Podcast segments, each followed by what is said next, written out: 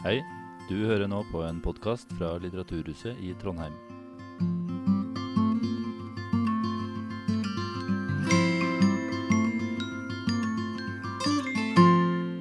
Ja, da tror jeg vi kan eh, begynne. Eh, Hjertelig velkommen til, til publikum. Eh, Mitt navn er Trond Aam, jeg er daglig leder for Litteraturhuset i Trondheim. og Jeg skal da både få lov til å ønske velkommen, men også lede kveldens samtale med, med nyslått Brageprisvinner Trygve Riise Gundersen. Hjertelig velkommen til deg.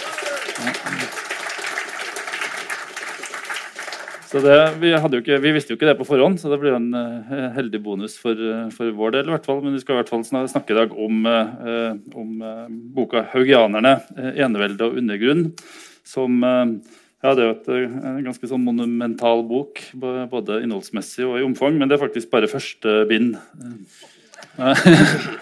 Jeg begynner å grue meg til andre bind. Jeg også nå. Eh, altså, du, eh, altså, du er utdanna egentlig litteraturviter, eh, men skrev faktisk også i sin tid hovedoppgave om Hans Nilsen Hauge eh, Mm. tilbake i 1998. Mm. Eh, og så er det her eh, din første bokutgivelse. Men hva er det som altså, vet ikke, Jeg har- prøvd å liksom lese litt om det. og så vidt så vidt jeg kunne tråkla meg tilbake i Google, så har du i hvert fall jobba med denne boka her siden eh, 2014. eh, Kanskje enda lenger eh, også. Eh, Men hva er det som på en måte har fanga deg i den tematikken? Eller hva er det som har eh, gjort at du syns eh, akkurat haugianerne er så interessant at du har eh, brukt ganske store deler av livet ditt på det temaet? Eh, nei, altså det er flere som spør om det. Eh, for det høres jo litt sånn sykt ut, nesten. Eh, men det er egentlig et sånn godt eksempel på at eh, eh, Ja, hvis man, hvis man eh, eh, kan forholde seg til et stoff eh, ikke som forsker, da, men eh, på en måte forholde seg til det over tid, så forandrer kanskje Da har du muligheten til at det som interesserer deg, faktisk forandrer seg. Eh, og når det har vært gøy å jobbe med dette materialet over så lang tid Det er jo altså, først liksom en akademisk bit med hovedoppgave. Så hadde jeg et doktorgradsstipend og skulle skrive et prosjekt som aldri ble noe av. Og så denne boka da i sju-åtte år ved siden av jobb, ikke eh, så i små biter innimellom. Men i de forskjellige fasene så har jeg egentlig opplevd at dette fenomenet liksom har forandret seg foran øynene mine hele tiden. Um, og selv liksom i fjor, når jeg egentlig skrev mesteparten av boka, um, når liksom ting bare rant på plass, så var det jo hele tida fullt av overraskelser. Um, så kanskje det er det, liksom det beste svaret, at det, det har vært et stoff som har liksom vært i stand til å overraske meg, egentlig helt fra jeg begynte å jobbe med det. Jeg trodde det var kjedelig når jeg begynte. Mm. det var egentlig et sånn pragmatisk valg, den hovedoppgaven om å få noe, søke på noe jeg kunne kanskje få et stipend for. og sånne ting. Men allerede da så oppdaga jeg at dette stoffet var annerledes enn jeg trodde. Uh, og den erfaringa har fortsatt. da. I tillegg så, så eh, ble det vel også stadig klarere for meg at historien om vekkelsen, særlig i disse første årene, eh, som jeg skriver om i denne boka, det var også en inngang til en mye mye større historie om, om Danmark-Norge og om eh, norsk folkelig politisk kultur. Så det var noen sånne viktige punkter som, som historien om vekkelsen berørte, som også gjorde at dette føltes eh, ja, relevant og aktuelt og, og, og viktig å skrive om. Det. Ja, altså så Opprinnelig så, så var det nærmest et ja, i hvert fall ikke en sånn kallsopplevelse, men uh, nesten et strategisk valg å gå Ja, fa fakt, faktisk, ja. Ja. Uh, uh, det ble utlyst noen stipender til å studere norsk sakprosa. Så tenkte jeg ja, det, dette kan jeg søke på. Og så er jeg prestesønn, så jeg tenkte ja, kanskje jeg kan velge noe sånn kirkehistorisk. For da har jeg litt, sånn, litt fordel med det. Eh, og så husker jeg leste gjennom Andreas Aarflots kirkehistorie. Eh, og der kom jeg, dette, kom jeg til Hauges, som jeg da trodde var en veldig kjedelig skikkelse. Eh, og Den første overraskelsen da var egentlig at jeg oppdaga at han jo faktisk var forfatter. Eh, og at haugianerne trykte helt enorme mengder bøker. eh, som jo ingen har skrevet om, og ingen egentlig interesserte seg for. Så det var liksom, Dette var da eh, midtveis på 90-tallet en gang. Det var liksom første oppdagelsen at dette stoffet rommet noe som ikke jeg var klar over, og som egentlig heller ikke fortellingen i kulturen eh, tok inn. da. Men hvordan du, altså, du, du, snakker om overraskelser, at stoffet hele tida beveger seg og endrer seg. Så hva vil du si at har sånn, overraska deg mest med, med, Hauge? Eller hvordan har han endra seg i hodet ditt i løpet av alle de åra? Ja, altså um, De viktigste overraskelsene er liksom de siste, da. Mm. de, som, de, som, er nedfelt i boka. Um, uh, det ble For det første så, så ble det veldig tydelig for meg at um, uh, vi har hatt en tendens til å fortelle historien om denne vekkelsen liksom baklengs. Um, vi har begynt, vi har tatt utgangspunkt i uh, Indremisjonen og de norske folkelige bevegelsene utover på 1800-tallet. Um, og så har vi sett på organismen som en slags sånn spire til det som skal vokse fram siden. Um, og Det var et type briller. sånn at man alltid liksom, eh, Det viktigste med haugianerne var alltid det som skjer liksom 100 år etter at det setter i gang. Det er egentlig noen andre som gjør det viktigste. De bare starter noe. Uh, det var et type briller som jeg hadde med meg inn i dette stoffet for lenge siden. Uh, og så har det blitt mer og mer sånn at jeg tenker at det viktigste er faktisk begynnelsen.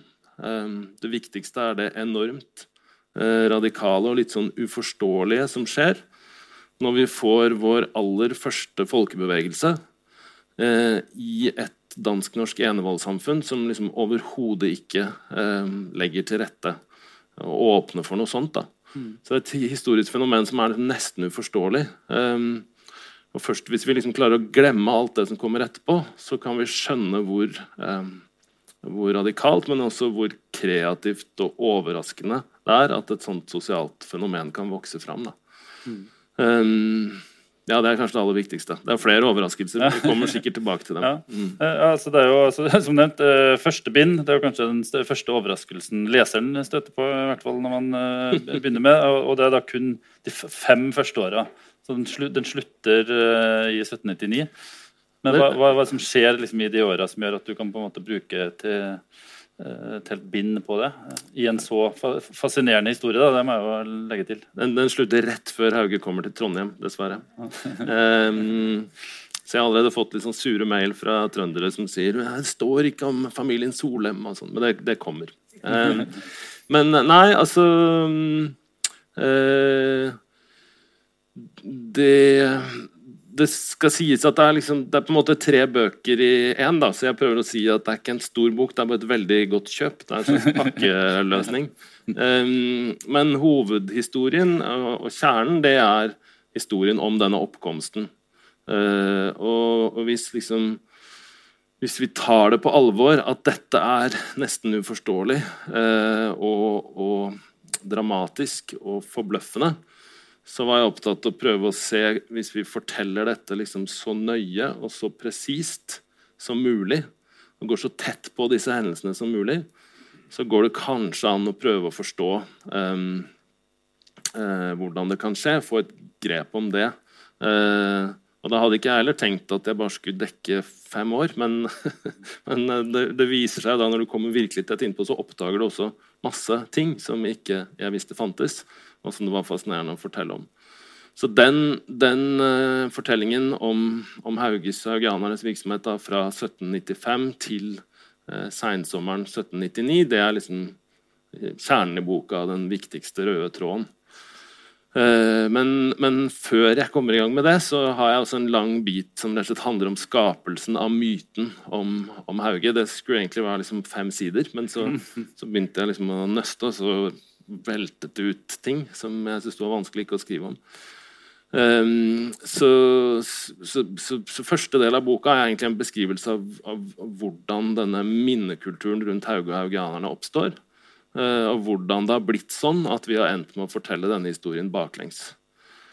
Dels fordi jeg syntes det var en fascinerende historie, dels fordi jeg også tenkte at, eller skjønte at um, man trenger liksom kanskje å å få ryddet bordet helt da, for de mytene før man kan begynne å fortelle historien på nytt.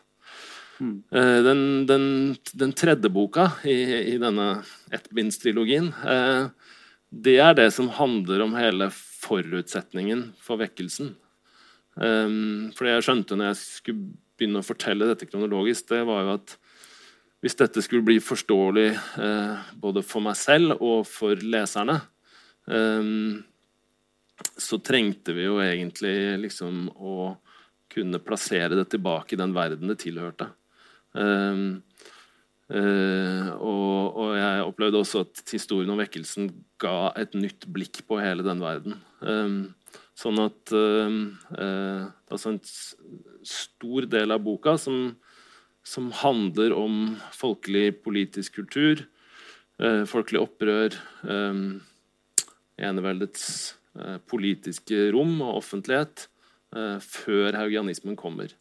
Um, som, som dels liksom trengs for å Eller følte jeg trengtes for å, for å få plassert dette riktig i kontekst og skjønne det ordentlig. Og dels så syns jeg bare det var veldig gøy å kunne skrive fram den verden. og kunne virkelig lage en bok som man kan få litt sånn uh, Ringenes herreaktig følelse at du trer inn i et sånt stort univers. Um, uh, og ved å oppleve at det, det, det danna seg tråder og forbindelseslinjer hele tiden som gjorde at disse nivåene på et eller annet plan hang sammen. Mm. Altså, det er en uh, sånn følelse jeg sitter igjen med som leser, i hvert fall tidvis underveis i boka. at det her er jo, altså For det første det er det jo ikke en vanlig historiebok, det, det, det kan man slå fast. Men så får også en sånn fornemmelse at den, den handler vel, vel, så mye om oss som lesere som uh, om haugianere. Uh, ja, Det var ikke noe jeg liksom tenkte på underveis, men det er fint hvis det kan oppleves sånn. Uh, jeg tror det også har å gjøre med at jeg følte at jeg skrev opp mot en masse etablerte bilder. da. Uh, ikke bare om haugianerne, men også om hele den perioden. og både for å overbevise meg selv om at det fantes en annen måte å se dette på, og for å overbevise leseren om at man kan tro på disse andre bildene. Eh, så, så måtte jeg liksom prøve å skrive fram hele den helheten. Ja, um, for Du bruker jo veldig mye tid særlig innledningsvis på liksom å rakke, eller ikke rakke, rakke, ned på, men på en måte å bryte opp de der etablerte bildene av uh, Hauge og granerne og hvordan vi har pleid å se dem. Og til tross for at du tar alle mulige sånn forbehold og går ut og inn av situasjoner, og sånn, så får i hvert fall jeg da, som leser likevel en sånn, eh, mye sånn tettere uh, følelse av å være til stede i situasjonen. I 1700-tallsdelen? Ja, ja. ja. ja, altså Ja, det er fint. altså, jeg, jeg, ble jo også en, en uh, Jeg har jobba med dette akademisk opprinnelig. Og så var det veldig fascinerende altså på et tidspunkt, Dette bokprosjektet starta også som et litt sånn forfengelig forsøk på å komme over skammen over ikke å ha fullført en doktoravhandling. Så jeg, jeg, søkte penger og tenkte jeg skulle liksom jukse meg til å skrive en fagbok som jeg så kunne levere inn. Og, og sånn. Og så gikk det veldig tregt. da, Syntes det var vanskelig. Um, og på et tidspunkt så tenkte jeg ok, jeg må bare glemme hele den doktorgradsplanen. Uh, og så må jeg prøve å fortelle. Um, og det som jeg i ettertid syns var veldig interessant med det, er at den ambisjonen om å fortelle og formidle og lage scener og, og, gå inn i stoffet på en annen måte enn jeg var vant som akademiker, selv om jeg fortsatt prøvde å være uh, helt sånn 100% basert på kildene hele tida, sånn, um, det skapte også en helt annen tilnærming til stoffet. Um, for eksempel den veldig sånn sterke, litt sånn dette høres litt banalt ut, men en sånn wow-opplevelse at ja, dette, dette, er jo virkelig. Altså disse, disse, fortidige hendelsene som jeg hadde lest om og jobba med i mange forskjellige sammenhenger og skrevet papers om og analytiske artikler, eh, de slo meg plutselig som eh, Jeg ble klar over at dette er eh, virkelige, reelle scener som har skjedd i et rom med reelle mennesker, eh, og hvor det har stått masse ting på spill. da. Mm. Uh, og det var noe som dels liksom fikk meg til å tenke helt nytt om hvilke problemstillinger um, uh, og uh, spørsmål som var i spill i historien. Men det fikk meg altså til um, Det var en utfordring til å prøve å skrive annerledes for å gi leseren også litt av den følelsen. Mm. Um, at dette uh, Ja, det, hendelsene denne boka skriver om, var like viktige for de menneskene som tok del i den, som det som skjer akkurat nå, er for oss. da. Og det er en, som sagt, det er en banal og selvfølgelig erkjennelse, men det er merkelig, på en merkelig måte noe av det første vi glemmer egentlig når vi, når vi skriver historie ofte. Mm, mm. Uh, altså Hvis jeg sier at, uh, at, jeg leste ei vel så monumental bok for tre år siden som, uh, som minner meg veldig om, om den boka her altså Det slo meg underveis at det, var altså, det helt åpenbare paralleller. Vet du da hvilken bok jeg tenker på? Nå ble jeg bare veldig spent. ja, ok. Nei, Jeg tenkte på den der boka 'Komme til orde'. ja, Anders Johansen. Ja. Mm. Politisk kommunikasjon 1814-1905. Ja. som også en en helt annen, annerledes måte å skrive norgeshistorie på. Mm. Eh, hvor du ikke går fra slag til slag eller eh, gjennombrudd til forfall eller fra konge til dronning eh, osv., men hvor du altså, gå, uh, altså, ser norgeshistorien gjennom f.eks. hvordan folk talte annerledes. Mm. Eller uh, som i tilfellet til Anders Johansen, da, hvordan de ikke talte. Altså, mm. For noe av det mest tankevekkende uh, boka var et sånt eksempel om uh, Oppdal-stortingsmannen Ingebrigt Sæter, som satt på Stortinget i, i, i Norge i over 40 år uten å ta ordet en eneste gang. Og det var rett og slett fordi at han, eh, som mange andre bonderepresentanter, skamma seg sånn over å ikke beherske det dansk-norske embetsmannsspråket. Så de holdt kjeft, og så fant de andre måter å utøve makt på gjennom sånn bakromsallianser og sånne ting. Og det er jo egentlig det samme temaet som du tar opp her. Ja, ja, nei, og hvis uh, Altså, Anders' bok er fantastisk. En av mine absolutte favorittbøker. Uh, og den er jo forskjellig. Uh, hans bok er jo, handler om retorikk. er jo egentlig en serie sånn retoriske analyser. da. analyse av, av, folkelig politikk gjennom hele 1800-tallet med, et sånt, med retoriske briller.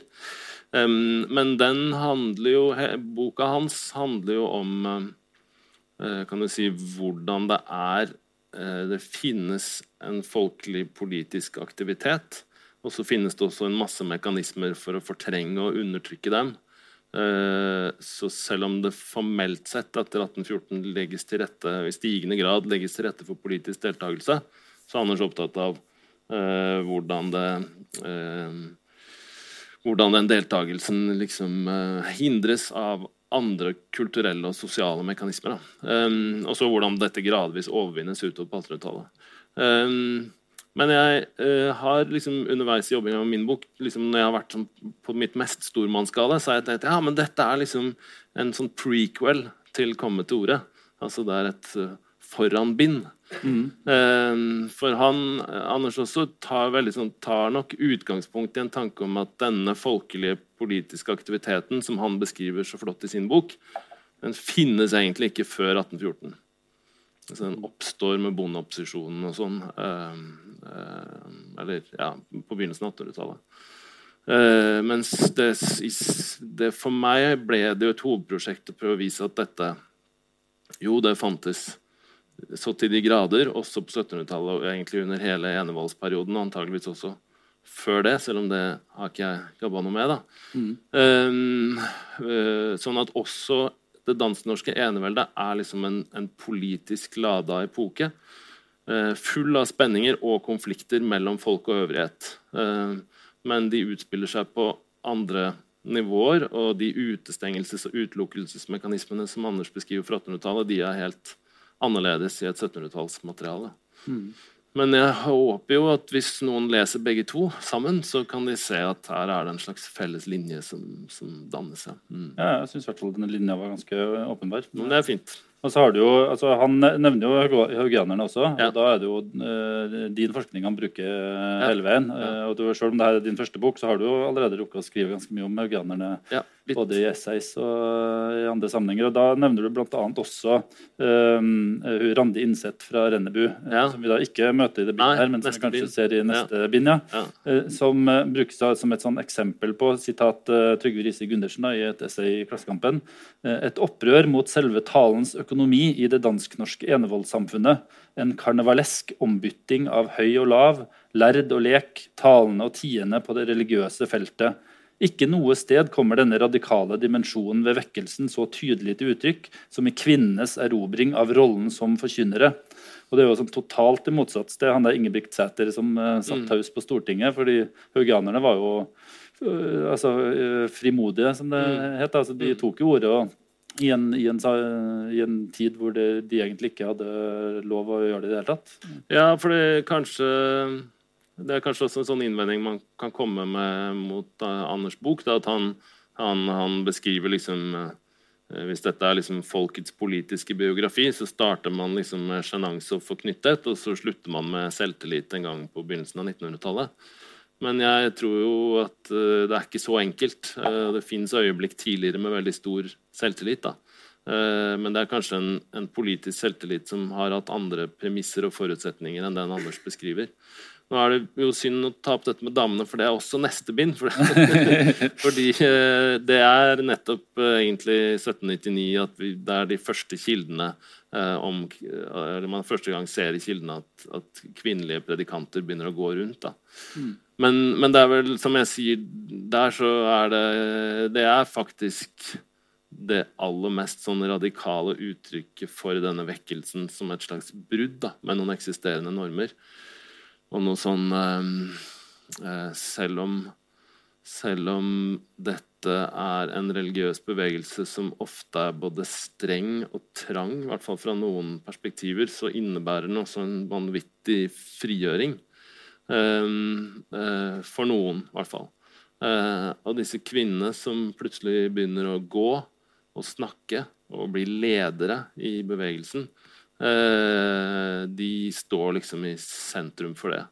Eh, og jeg syns det er talende at um, når Hauge kommer ut altså Hauge fengsles jo i 1804. Så dette neste bindet, altså disse to bindene skal ta for seg den tida fra 1796 til 1804. Og så ikke noe mer! Da får andre skrive flere bind. Men det er fordi at uh, det, uh, i 1804 så starter det da en rettsprosess som varer i ti år. Hauge kommer ut av fengsel i 18, eller kom, Rettsprosessen avsluttes i 1814. Uh, og Da er han jo på mange måter en knekt mann, da, helsemessig svekka. Og bevegelsen er veldig annerledes. mye mer tradisjonsretta, mye mer hierarkisk organisert eh, mye mindre av den enorme forandringen og dynamikken fra de første årene.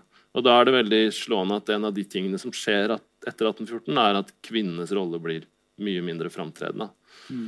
Eh, og, og i, den, mm, i, den, minnekulturen som jeg skriver om i første delen av boka, som er, blir Indremisjonens minnekultur, så er jo kvinnedimensjonen helt fullstendig fraværende. Så dette var noe man egentlig ikke snakket om overhodet i 150 år, før, før, de aller første forskerne begynte å interessere seg for det på 70- og 80-tallet.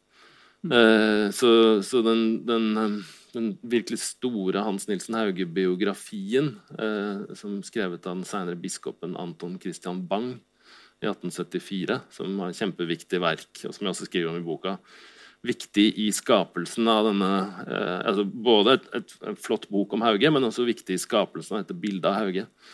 Og, og, Bang sier liksom han er helt over seg. Hauge gjorde jo ikke feil. Han, alt han gjorde, var helt riktig. Bortsett fra én ting. Og så kan dere gjette hva den ene feilen uh, er. Om det har med kvinner å gjøre. kan jeg si. Men det er liksom bare nevnt i en setning, og så løper han videre. Og det er alt som står omtrent om de kvinnelige predikantene i, ja. i den biografien. Ja, Det ble rett og slett blitt lagt lokk på av uh, ettertida? da? Uh, ja. Helt enkelt, mm, kan vi si. Mm. Men altså, den der selvtilliten som de der tidlige haugianerne ble veldig kjent for, mm. altså, hvor to, tok de egentlig den fra? Uh, De tar den jo Dels så tar de den jo La meg starte med det kanskje minst viktige først. For jeg, jeg, først så tror jeg jo fordi jeg tror at det eksisterte en folkelig politisk kultur gjennom hele enevaldsperioden, som var mye mer selvbevisst og aktiv enn vi har vært vant til å tenke oss, men samtidig også hele tiden holdt seg under overflaten, som skjulte seg og eh, liksom aldri strakk seg lenger enn det som var lov. da. Så tror jeg jo det fantes en grunnleggende selvtillit der, en grunnleggende bevissthet om, om egen myndighet, da, um, som også det virker som eneveldet er klar over og hele tiden liksom opererer rundt. Um, men i tillegg, når det gjelder selve haugianervekkelsen, så er det jo den religiøse erfaringa. Uh, altså, opplevelsen av uh, omvendelse um, og av at dette religiøse språket, som jo har vært statens religiøse språk, Eh, et språk som man liksom har helt konkret blitt indoktrinert i fra man er bitte liten. Som er, eh, altså, det går ikke an å lære seg å lese for eksempel, uten å pugge katekismen. Eller, så, så, det er rundt deg hele tiden som sånn vann du synker i. Eh, og det, det, det, predikantene og de vakte beskriver i biografiene sine, er en sånn voldsom opplevelse at dette språket plutselig blir deres. da. Eh, og det er et språk som de selv kan bruke. Eh, og selv har myndighet over, og som de også kan rette tilbake mot staten. Um, eh, og akkurat hva det er som skjer i den, i den prosessen, når man ja, I den omvendelsen hvor de innser at dette språket kan de gripe, det har jeg foreløpig skrevet ganske lite om. Mm. Uh, men det blir også bind to. men, men uh, i, i, denne boka har jeg vært mest opptatt av å prøve å se eh, vekkelsen litt utenfra. Se den sånn som embetsmennene så den. Og da er det veldig slående at De er ikke så opptatt av det religiøse, eller de er ikke så opptatt av teologien og forkynnelsen. det de er opptatt av, er nettopp dette med talens økonomi, som du snakket om. Altså, de er opptatt av at her brytes noen grunnleggende autoritetsstrukturer eh, knytta til hvem det er som kan forkynne, hvem det er som kan ha ordet, hvem som, som, sitter med makta over det religiøse språket. Da. Så de, de, de, de, er ikke sint på hva haugianerne sier, men de er sint på at de sier det. og det er også opptatt av i boka, prøve å forstå hva er det som gjør at den kontrollen over det religiøse og det politiske språket blir så veldig viktig, og en så viktig del av eneveldets maktutøvelse. Mm. Men Er det kun derfor at uh, haugianerne blir oppfatta som så radikale i, altså i samtida? Nei, ikke kun derfor, for de gjør jo masse annet òg. Men jeg tenker den, det, liksom den, det, er den mest uh, det er den, det er den, grunnleggende radikaliteten som setter alt annet i sving, da. Uh, men den opplevelsen av å, å beherske dette språket, det å måtte snakke det, det fører jo f.eks. konkret til at man begynner å gå. Eh, at man sprer budskapet.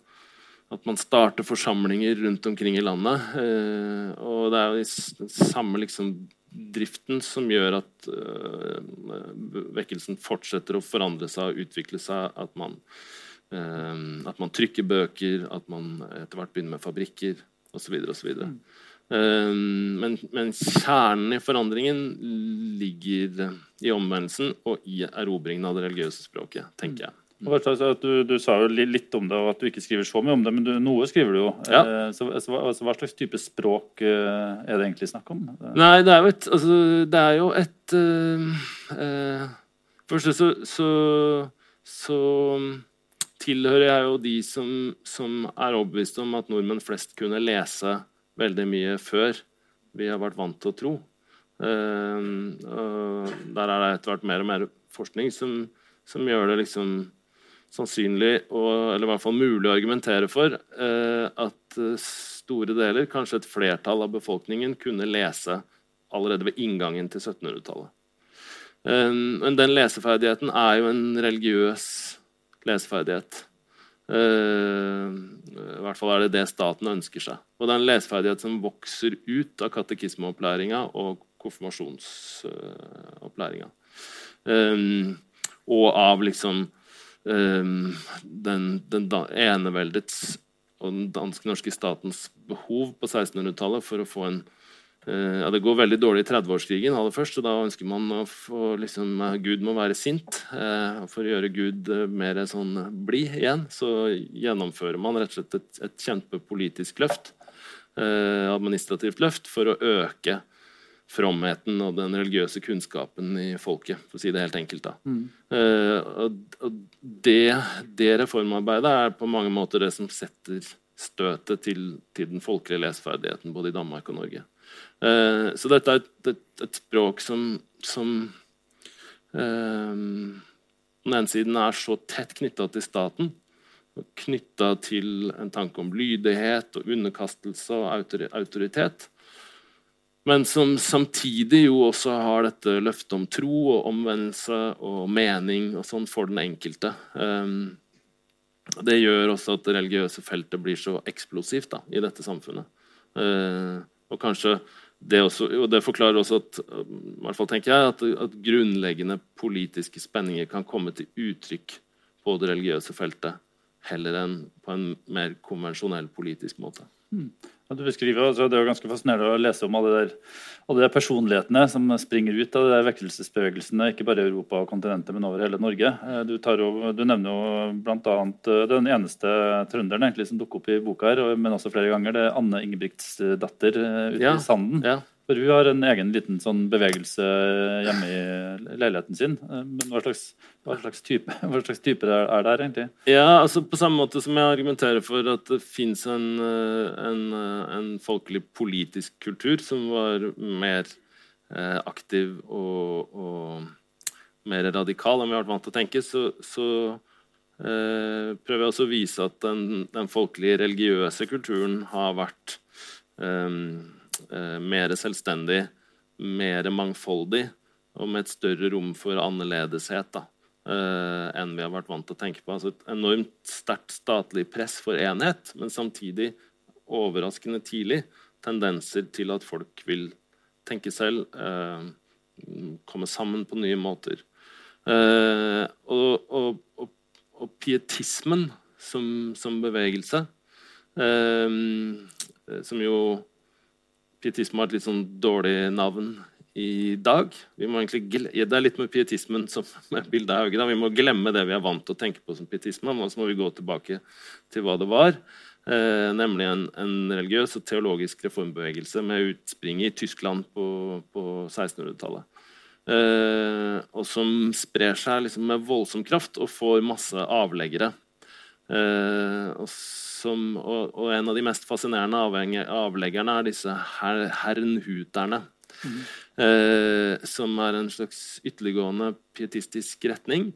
Eh, som er eh, veldig opptatt av nåden og av Kristi kropp og blodet. Blodsmystikk. Det er sånne sterke mystiske tendenser som har fått folk til å være veldig skeptiske til hernhuterne i etterkant. Eh, men i Norge får vi ganske store hernutevekkelser i byene eh, på 1730- og 1740-tallet. Og, og, noen av de som blir vakte, er, er, tilhører borgerkretsene, og noen gjør det ikke. Sånn som denne Anne Ingebrigtsdatter. Mm. hun har et slags, virker som en slags bibeltimer hjemme hos seg på Sanden. Eh, som skaper veldig eh, uro og bekymring og uenighet i prestekollegiet her i, i Trondheim. Da. Eh, og som jeg igjen var litt sånn det er enda en grunn til at boka er blitt tjukk. Da, fordi du, du, du sitter og, og, jobber med disse sekundærtekstene og kildene, og så kommer det over hele tiden ting som er sånn eh, fascinerende, fordi de bryter eh, altså, i en vanlig framstilling vil du liksom ikke ta deg tid til å stoppe opp en sånn som henne. Kanskje fordi hun er litt rar. Hun passer ikke helt med forestillingen våre om hva det vil si å være en fattig dame i, i en forstad av Trondheim på 1740-tallet. Og så blir hun mer en sånn underlig skikkelse som man omtaler i en note eller liksom en vits. eller noe sånt. Eh, men jeg bestemte meg tidlig for at jeg ville prøve å gi plass til de tingene som var sånn rare. Uh, og forfølge dem i fortellingen og se hva som skjedde da. Um, og, og, da Jeg skriver jo ikke mye om henne, da, men hvis du tenker på henne som en, en, en seriøs, religiøs og kanskje politisk aktør i Trondheim i de årene, uh, som altså er kvinne, fattig, uh, marginalisert på mange måter, men som likevel klarer å være sentral i en, så, en sånn en ny religiøs bevegelse som kommer opp. Det er, det er, kjempefascinerende. Og det sier noe om at dette samfunnet igjen er annerledes enn vi, vi tror. da. Mm, mm. Ja, det er også en, altså Da må vi ned til Danmark igjen, men denne teologistudenten Søren Lindtrup som på en måte ødelegger for sin egen karriere. og vel så det ved at han, han, snur opp ned på det. Han insisterer på at det er menigheten som skal være hans læremester, og ikke motsatt. Ja, Det er kanskje et sånn kroneksempel på en sånn rar historie som jeg ikke kunne slippe. Det er mer bare en anekdote, men, men det var et eksempel på eh, vi, vi, altså Pietismen eh, ble etter hvert statens ideologi i Danmark-Norge. Eh, så, så, så kongen ble ivrig pietist, og staten innførte en, en masse pietistisk prega lover. Eh, med reformer av skolevesen og fengselsvesen og eh, osv. osv. Eh, ofte ja, moralske lover. Og det har gjort at det har vært en tendens tenker jeg, til å, opp, til å liksom tenke at pietismen i Norge og Danmark var en slags sånn ordensretning.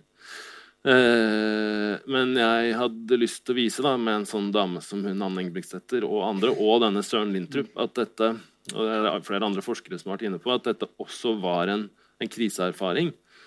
Eh, at i et sånt system hvor man var så opptatt av ensrettethet, så, så ligger liksom pietismens løfte om omvendelse og opplysning i hjertet, at troen skal være viktig for den enkelte, det skaper en masse ustabilitet. Da. Og da er Hans Søren Lintrup et sånt fantastisk eksempel. Han er teologistudent eh, og blir satt til å være prestevikar et, eh, på et gods på Sjælland, mener jeg husker. Og så holder han på en, liksom en, stund uten at det skjer noe spesielt. Og så plutselig en dag så går han ned fra prekestolen og så setter han seg i publikum. Og så sier han nei, nå kan dere preke. Nå vil jeg, nå vil jeg høre på dere. Eh, og så blir det skandale, og, så, og han blir brakt inn for, for, Ikke for retten, men ja, på Godsdal. Og spurt hva det ser, og så sier han ja, jeg har alltid tenkt at vi alle har Nå husker jeg ikke ordrett disse sitatene, men poenget hans er liksom vi, vi har alle den guddommelige opplysningen. Alle har sannheter vi bærer på. Hvorfor skal jeg være den som snakker hele tiden? da? Så han har et sånn veldig eh, poetisk eh, uttrykk for ja, også, ja, nettopp også hvordan pietismen kan allerede i utgangspunktet snu opp ned på denne taleautoriteten. Mm. Uh, Søren Lintrup blir uh, suspendert og ender opp uh, i Herrnhut som hernhuter. Mm. Så du um, det, du kan liksom du, du, du, kan skrive en sånn historie om radikalisme og annerledestenkning i Danmark-Norge med det religiøse som utgangspunkt. Uh, hvis du liksom de, alle disse tingene vi tenker er rare, hvis vi tar dem virkelig alvorlig, så får du på en måte faktisk eh, kan du se konturene av et, et eh, ganske sånn uh, aktiv dissenterkultur. Som Hauge konkret finner spor av når han begynner å reise rundt på 1790-tallet.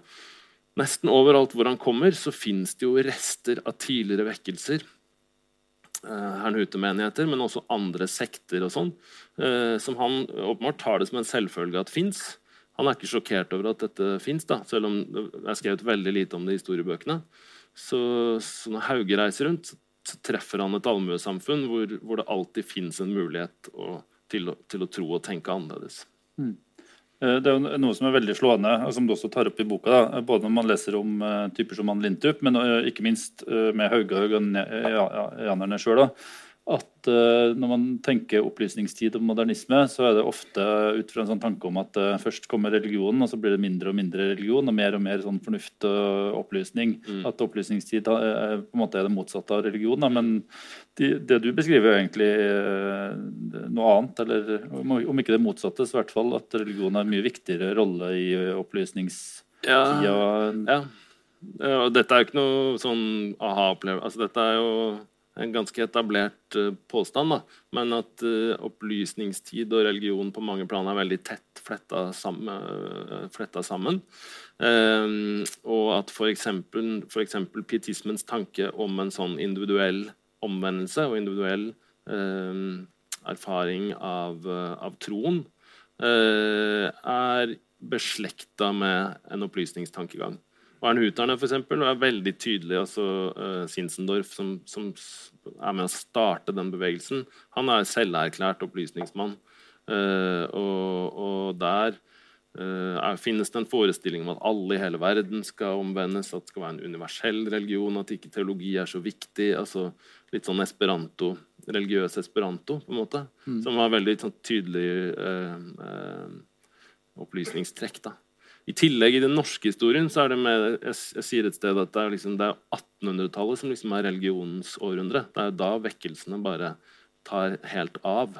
Um, sånn at vi, vi, har igjen litt sånn intuitivt ser vi for oss som du sier, liksom blir mer og mer opplysning og mindre og mindre religion. Men i praksis er det på, ja, dels er det fletta sammen, dels er det omvendt. Dels er det sånn at religionen blir viktigere og viktigere tilsynelatende for store deler av den norske befolkninga ute på 1800-tallet. Mm. Og spiller en, en, stadig viktigere eh, politisk og sosial rolle. Ja, du siterer jo til og med Georg Brandes i boka, som et sted skriver at det er først med Hauge at kristendommen kommer til Norge. Ja. Ja, jeg tror han tar feil. enn han. Jeg tror han trodde på myten. Ja. men, uh, men uh, ja, Brandes er litt det, han, han, Flere av disse kulturradikalerne er jo irritert på hauge-haugianerne. men da gir, dem, da gir, de dem, nettopp æren for de, de, tenker litt sånn som Bang gjør, og sånn som mange historikere har gjort siden. At denne vekkelsen som begynner, er egentlig det som forklarer at man har et såpass konservativt religiøst samfunn slutten av 1800-tallet. Uh, eh, mens jeg tror at det er helt andre prosesser som har utspilt seg i mellomtida. Uh, mm. Så vi kan ikke bruke denne første vekkelsen til å forklare hvordan Norge blir 100 år seinere. Nei. Nei, for det, altså det, altså det, bildet som han Bang tegner, uh, det er vel det bildet som vi delvis sitter, igjen, sitter med fortsatt i dag. At det begynner med det kallet ute i åkeren. Mm. ja, det er Bangs biografi. Uh, det er liksom kroneksempelet på hvor forskjellig eh, denne historien kan være når du går tilbake til samtidskildene. For det, altså Hvis du spør liksom, eh, mannen i gata, i den grad de overhodet ja, kan noe om hauge og haugianerne, så kan, husker de at han strikka. Mm. Eh, og så husker de denne, denne, dette omvendelsesøyeblikket i åkeren 6.4.1796. Um, Eh, men Hauge selv snakket eh, i disse første årene aldri om den erfaringen offentlig. Eh, det fins noen få skriftlige kilder som viser at den har vært snakket om internt blant vennene, og som på en måte belegger at, at, han har hatt en sånn erfaring, og at den har vært viktig for han. Men det var ikke noe han prata om offentlig. Eh, så Første gang han skriver om det offentlige, er i 1816. Um, uh, og selv da er den historien om et sånt personlig skakende møte med Gud nærmest direkte. Eh, Hauge selv i 1816 kaller det en mystisk erfaring. Altså en klassisk mm. mystisk erfaring.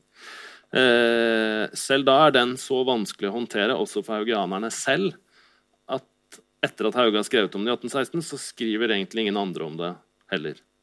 Uh, det eneste som skriver om det, er folk som vil kritisere Hauge og gjøre narr av han. Altså, han var Så tullete var han at han trodde han kunne møte Gud på et jorde. liksom. Mm. Uh, og så, så, farlige greier er dette, liksom, at man tror på en sånn direkte opplysning. Uh, men det er Bang som gjør en sånn helt fantastisk retorisk manøver. hvor han Uh, altså For Hauge, når Hauge skriver om, om denne uh, opplevelsen, så kaller han det en mystisk erfaring og sier at dette er noe folk har hatt liksom helt siden Nytestamentet. Uh, det er beskrevet opp gjennom hele kirkehistorien. Han nevner forskjellige mystiske forfattere. og Så sier han 'jeg har hatt det', og andre kan ha det. Det fins sikkert mange andre rundt i Norge som har hatt sånne opplevelser. sier han. Akkurat som det fins mange andre som tviler på det og er skeptiske. Mm. Så, så, han beskriver dette som en demokratisk erfaring. Noe som er åpent uh, og tilgjengelig. Uh, men for Bang, som er uh, prest, og som representerer nystifta Lutherstiftelsen, som er liksom opptatt av å kunne nyttiggjøre seg den, den folkelige forkynnelsen, men samtidig under streng kirkelig kontroll, han er opptatt av at nei, uh, dette er ikke en åpen og demokratisk erfaring. Det er noe som skjer bare én gang. Liksom, det var noe helt unikt. Som, var, altså, kirken var en helt unik krise på slutten av 1700-tallet pga. opplysninga. Uh, under, uh, ja, mørket var så stort, sier han, under den, den, den innbilte opplysning, uh, at, at, det måtte liksom en sånn Eh, superhelt til for å redde det. Og denne superhelten måtte komme fra folket, for, for, for mens alle prestene var påvirka av sånn, slemme utenlandske opplysningstanker, så trodde liksom norske allmuefolk ordentlig luthersk. Og fordi det var denne unike situasjonen, så valgte Gud å utpeke Hans Nilsen Hauge helt spesielt som den ene personen som skulle redde norsk kirke. Så uh, i Bangs historie så blir den omvendelsesøyeopplevelsen det hovedbeviset på at dette er noe som bare skjer én gang. Og Så reddet jo Hauge kirken, heldigvis, og nå 100 år seinere er jo alt bra. Så nå kommer ikke dette til å skje igjen. Nå skal prestene fortsette å forkynne, og mystiske erfaringer fins ikke.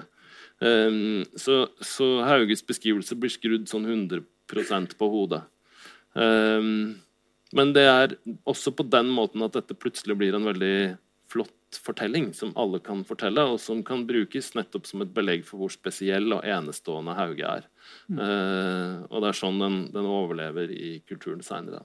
Men tror du, altså Har den, eh, den, hendelsen har den hatt den betydningen for Hauge som eh, vi har lært, eller er det overdrevet, det som konstruert? Det er jo vanskelig å si um, Eh, det er vanskelig å si helt sikkert hva den uh, opplevelsen betydde for Hauge. Men, men uh, uh, han, når han skriver om den, så skriver han den jo om den som en helt avgjørende opplevelse som forandrer noe grunnleggende for han. Og, og, noe som, som, nettopp setter i sving mye av aktiviteten hans. og jeg tror at det innebar såpass mye omkostninger og risiko for han å fortelle den historien at han ikke ville gjort det hvis ikke han følte han måtte. Mm. Uh, så jeg er overbevist om at uh, det skjer noe der med han som får enorm betydning for hans siden. Men på den annen side så tror jeg også at han uh, Det er umulig å si sikkert, da, for kildene er så uklare, men jeg har en klar følelse at han hadde begynt sin religiøse virksomhet i tunet i hjembygda si allerede før den opplevelsen i, i mars, eller april 1796. Mm. Eh, sånn at den, eh, den betyr mye, men den betyr ikke alt. Og den er ikke Det er ingenting som tyder på at det var den som fikk folk til å høre på ham. Altså, han, brukte ikke, han brukte ikke den opplevelsen som et sånt sertifikat som han hadde med seg rundt guddommelig godkjent. Ja, nei, det, det, er derfor jeg spør. Da, for ja. det, Man skulle tro at det er nærliggende at eh, man eh, altså Hvis du er en sånn predikant, så bruker du det som et slags bevis. På, nei, overhodet ikke. Overhodet ikke. Og han gjør jo i den første trykte teksten sin, som han gir ut da allerede eh, sommeren 1796, så er det faktisk utrolig nok en slags selvbiografi bakerst som presenterer han selv. Eh, og der for eksempel, sier han ikke et ord om den opplevelsen. Mm. Eh, så hvis han hadde brukt det som et sertifikat, ville det vært naturlig å nevne det der, men det gjør han overhodet ikke. Ja. Um, du, du, skriver, du, skriver, altså du, antyder jo langt på vei i boka at, at han begynte tidligere. Mm. Uh, men så skriver du også at uh, allerede som barn, altså overfor søsknene sine, så, så hadde han en sånn egen evne til å til å, formane dem? Som... ja, det, han sier vel at den evnen til å formane kommer med liksom, denne omvendelsen. Da. men det er tydelig at han allerede som barn hadde hadde status i bygda som en som var spesielt from.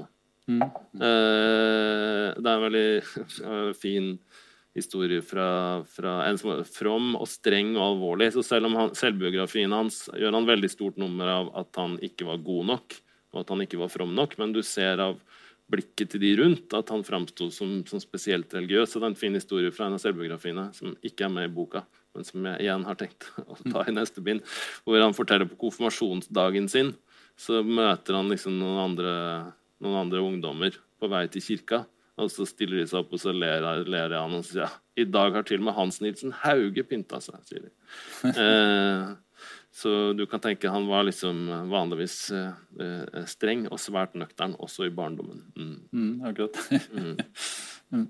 Og så er det alle de der, eh, altså de der personlighetene. da, eh, altså Ikke bare Anne Ingebrigtsdatter og han Lindtrup, men også alle de som følger Hauge de første åra, som du skriver ganske mye om. Og som er til dels ganske rare skikkelser med de mest spesielle skjebner også. Ja, altså i, i du, du, spurte meg om, om overraskelser, da. Uh, og jeg nevnte bare én, men eh, hvis vi nå nærmer oss slutten, så kan jeg nevne et par av de andre. Uh, fordi en av de sentrale overraskelsene i disse første åra er jo nettopp at Hans Nilsen Hauge er ikke nødvendigvis så veldig viktig. Altså Han er viktig som den som setter, i, som setter bevegelsen i gang, og som begynner å ha møter. Eh, men ganske fort, eh, når de første predikantene begynner å gå ut, så begynner vekkelsen å spre seg liksom på sine egne premisser. Um, uh, og da sprer den seg spontant og desentralisert og ganske flatt. Og det er, um, det er det er ting For det første er det ting i kildene som tyder på at uh, Hauge han er liksom ikke den eneste stjernepredikanten da. Det er andre som, som har like høy status i disse første årene, 1797-1798. Um, og at også um, kanselliet i København, når de får de første rapportene om bevegelsen og blir spurt av embetsmenn i Norge hva skal vi gjøre med dette, eh, så skriver ikke de om at det er en gærning som heter Hans Nilsen Hauge som har masse enda mer gærne tilhengere. De skriver om et, anonymt fenomen som handler om masse mennesker som har begynt å gå ut og forkynne. Eh, så, så, Hauge spiller en altså, Det er igjen en sånn 1800 Vi trenger sånne helter som, som kan forklare alt. Eh, mens i prinsippet så tenker jeg at vi må prøve å forstå dette som en, en bevegelse med masse enkeltpersoner som tar veldig avgjørende og dramatiske valg. Og i boka så har jeg prøvd å skrive fram en del av de skikkelsene. For det er jo noe, også noe fantastisk med dette materialet, at det gir deg anledning til å komme tett på noen sånne enkeltpersoner. Eh, de blir jo, eh, Dels så skriver de jo selv egne biografier og sånn. Mange av dem blir avhørt i forbindelse med prosessen mot Hauge. Så du, du kan rekonstruere deres, eh, deres, religiøse liv da, på en måte som du veldig sjelden kan med allmuefolk fra denne perioden. Eh, så det å komme tett på dem og liksom gi en del av de glemte skikkelsene sin egen biografi, det har vært enormt fascinerende. Eh og overraskelse nummer to som er knytta til det, er jo at disse menneskene som, som, som driver vekkelsene disse første årene, de er jo ikke eh, De er jo ikke sånn som på det bildet til Tidemann. Sånne bønder i røykstua med bunads på. De er unge, eh, rastløse, rotløse folk som er, som, som er frie til å gå. Nesten ingen av dem er bønder. Det er noen få husmenn, det er, men det er bondesønner og bondedøtre. Håndverkere, skolelærere. Eh, det er folk som tilhører det sjiktet i befolkningen som kunne være mobile. Uh, uh, og sånn at når de vakte altså, Så de tar del i en sånn en mobilitet i dette samfunnet som også var mye større enn vi har vært vant til å tenke oss. da. Og etter hvert når staten uh, begynner å forfølge dem litt mer sånn aggressivt, uh, som jeg beskriver i boka, så blir de jo prøvd å straffe som løsgjengere. Altså Man bruker løsgjengerparagrafen mot dem. Og, Hauge sitter bl.a. en måned på tukthuset her i, i Trondheim. Uh, og Da er det bl.a. løsgjengerlovene som brukes mot han. Og Det er på et vis helt logiske, for de er løsgjengere. Altså, de er folk som, som bryter med passlovene, og som går til steder hvor de ikke hører hjemme. Uh, og, og, og, er uh, De er sånne ramblers, liksom. og de ligner mer på omreisende bokselgere trubadurer og lasaroner enn en predikanter i vår forstand. da. Um, og så det siste eller i hvert fall det siste jeg skal nevne, overraskelsene nå, er jo at de, i denne første fasen så går de inn til byene. Uh, uh, at Hauge selv Det første han gjør etter at han har hatt denne opplevelsen uh, denne våren, er å i og for seg sette seg ned og skrive, da, men det neste han gjør, er å reise inn til Kristiania og trykke teksten sin. Eh, etterpå så reiser han inn til Kristiania flere ganger. Eh, de første årene er han nesten mer i Kristiania enn han er i Tune, eh, hvor han vokste opp. Og når han, og han reiser til, til, til, Kongsberg og til, til, Drammen og Tønsberg og Halden og Moss. Og når de andre predikantene begynner å gå, så gjør de det samme. De oppsøker byene. Eh, sånn at i disse første årene så er haugianismen faktisk en, på mange måter en urban bevegelse. Og der vekkelsen får virkelig gjennomslag utenfor byene, det er i de mest industrialiserte og, og moderniserte delene av landet. Sånn som Tune, hvor Hauge kommer fra, hvor det jo lå svære sagverk. Mm. Og ikke minst Eiker ved Drammenselva, som liksom blir vekkelsens store sentrum. Da. Og dette var jo sånn øh, Ja, det var virkelig noe jeg oppdaga mens jeg skrev. Da hadde jeg jobba med dette stoffet i 20 år. og så, og så bare, Det er jo ikke noe nytt jeg leser. Jeg leser de samme tingene som jeg har gjort hele tiden. Men så ser jeg bare de er jo ikke bønder. Eh, hvor er de går? De går til byene. Eh, og for meg var det nesten en sånn fysisk opplevelse av hvordan disse etablerte forestillingene om hva det var, kan hindre oss i å se det som ligger helt oppe i dagen. Da. Ja. Det var veldig sånn stor forskjell på, eh, på så standsmessig også. For noe, noen av de tidlige tuene var jo sånn eh, lensmenn og litt sånn solid Ja, Hauge-familien. Hauges bror er lensmann. Ja, mens han, en av de siste du snakker om, han er Christian Bersø, han ender mm. egentlig som en sånn simpel tyv. Ja, men han er jo og egentlig også faren hans er tømmermann. Mm. Og, og, ganske velbeslått tømmermann fra forstand utenfor Fredrikstad. Eh, så Christian Bæsjø er jo ja, det, er, det, er, nesten så jeg ikke har lyst til å avsløre den historien. For den er ja, ja, god, men, jo, men, kan, men, han er et eksempel på hvor, ja, hvordan enkeltmennesker kunne, kunne, gå gjennom helt enorme Vi tenker på dette som et, et, et stabilt samfunn. altså eh, Historikeren Knut Kjelstadli har sagt en gang at dette førmoderne samfunnet det var preget av stillstand, avstand og husstand. Og Det er veldig morsomt sagt, men jeg tenker det er helt feil. da og det var, det var, et samfunn hvor du f.eks. kunne falle utafor og oppleve en enorme fall og, og, brudd. Så det var en mulighet for ustabilitet her. Og det opplever Kristian Bersø så til de grader. Så han går fra å være en av disse stjernepredikantene eh, eh, i de første årene til rett og slett å bli en alkoholisert eh, eh, tvangsarbeider på slaveri i Fredrikstad. Mm. Uh, og det skjer mye rart imellom der også. Det er mer igjen ja, det det. saker dere kan lese om. Ja. og det er jo det er mange andre personligheter vi går inn på også med lignende historier. Eh, vi skal runde av eh, og åpne for spørsmål fra, fra salen hvis det er noe der. Men altså nå, bare sånn for å avrunde, da. Nå, altså, Hauge eller haugianerne har fortsatt ikke vært i Trondheim når den boka her tar slutt.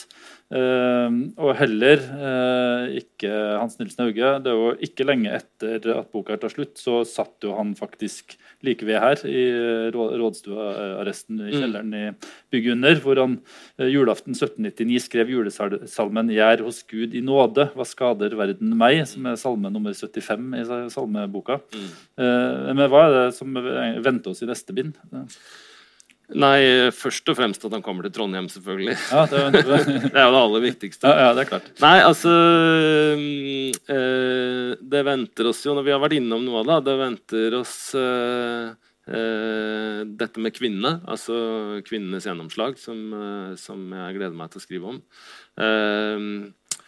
Så, så, er det jo eh, kanskje først og fremst fascinerende hele dette med næringsvirksomheten. Eh, altså boka eh, Dette bindet slutter med eh, eh, flere av predikantene i, i tukthus i Kristiania. Og Det skjer fordi det er kommet liksom, året før statlig, et statlig vedtak om at okay, disse, de skal nå straffes med løsgjengerparagrafene. Og Hvis du dømmes som løsgjenger, så må du sitte på tukthuset. Og Det innebærer plutselig en veldig økt nivå av forfølgelse. Um, sånn at uh, vi forlater Hauge og vekkelsen på et tidspunkt hvor jeg tror det er både mye tvil internt uh, og også bekymring for hva som skal skje. Og Det er kanskje egentlig det som følger nå, at Hauge virkelig kommer til syne som et sånt organisatorisk geni. da. Eh, for veldig mye av den aktiviteten som følger i 1799, 1800, 1801, er, oppleser jeg som en slags reaksjon på denne eh, forfølgelsen gjennom løsgjengerparagrafen. Så det er da de setter i gang en, en voldsom virksomhet for å trykke bøker. Eh, han har trykt bøker fra begynnelsen, men sommeren 1800 så reiser han til København sammen med to venner og holder fire trykkerier gående i tre måneder med å trykke bøker. Ja. Eh, en helt sånn avsindig innsats. Eh, og inspirert av det, og inspirert også av erkjennelsen, altså opplevelsen av at de kan reise kapital og kan få til ting i fellesskap, så får Hauge ideen om å begynne med næringsvirksomhet. Uh, og han får tanken om å tegne kjøpmannskap i Bergen. som jo er eh, ja, Det er mye å si om det. Et viktig politisk prosjekt. Eh, men, men, jo også har den enkle, praktiske fordelen at det plutselig gir lov til å reise. Altså, de starter en papirfabrikk på Eiker, f.eks. Som jo automatisk gir rett til å Eller gjør at du må reise landet rundt for å samle inn kluter til papirproduksjonen. Ja. Mm -hmm. så veldig mye av det de gjør i de åra som følger, eh, kan liksom leses ut fra, fra denne løsgjengerforfølgelsen. Um, og så i disse årene så, så, jeg, så forfølger dette, dette fab, fab, fabrikkprosjektet og prøver å, å, forstå hva det er for noe. Uh, jeg kan allerede si jeg tror det er en form for utopisk sosialisme. Så det, det gleder jeg meg til å si mer om. Jeg er helt sikker på akkurat det. da. Uh, men så er det jo også det punktet, eller disse årene hvor vekkelsen virkelig sprer seg utover landet. Altså um, igjen på, på grunn av at stiftamtmannen i Kristiania er så klar på at nå skal de straffes og tas. Så eh, det første Hauge gjør da, etter å ha fått denne trusselen, det er i 1798, det er å reise til Bergen. Det skriver han i boka. Mm. Uh, og så i 1799 er det flere predikanter som reiser oppover. Uh, så de, de, kommer liksom og møtes i Trondheim, kommer til Trondheim av, av flere ruter. Uh, sånn at uh, neste bind kan virkelig bli en sånn road movie hvor vi, vi, vi, følger predikantene rundt i Norge. Og som kjøpmann i Bergen så kan jo Hauge også etter hvert reise til sjøs. Så han har to lange og eventyrlige nordlandsreiser. Uh, så det er action. Jeg lover mer action. og en god dose feminisme og utopisk sosialisme. Ja, det høres veldig bra ut. ja.